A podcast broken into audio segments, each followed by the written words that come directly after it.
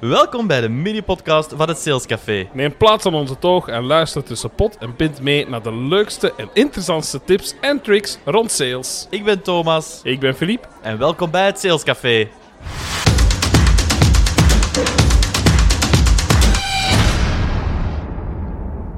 Welkom bij de mini-podcast van het Sales Café. De podcast die jullie meeneemt in de wereld van sales. Filip, wat gaan we juist doen? Wij gaan het hebben over sales. We gaan het hebben over alles wat daarmee te maken heeft. Dus we gaan het over tips hebben, tricks hebben, toepassingen hebben.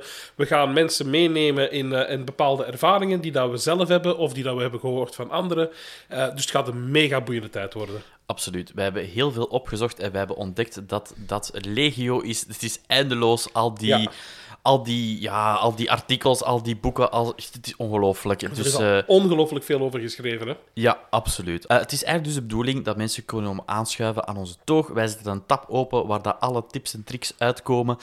En vooral gewoon ja, tussen pot en pint babbelen over al die verschillende onderwerpen van sales. Klopt, hè? Helemaal waar. En we vinden het belangrijk dat mensen daar ook gewoon hun eigen inbreng in kunnen geven. Dus als ze zelf een onderwerp graag willen bespreken, dan mogen ze gerust al eens eh, contact met ons opnemen. Daar delen we straks alles over.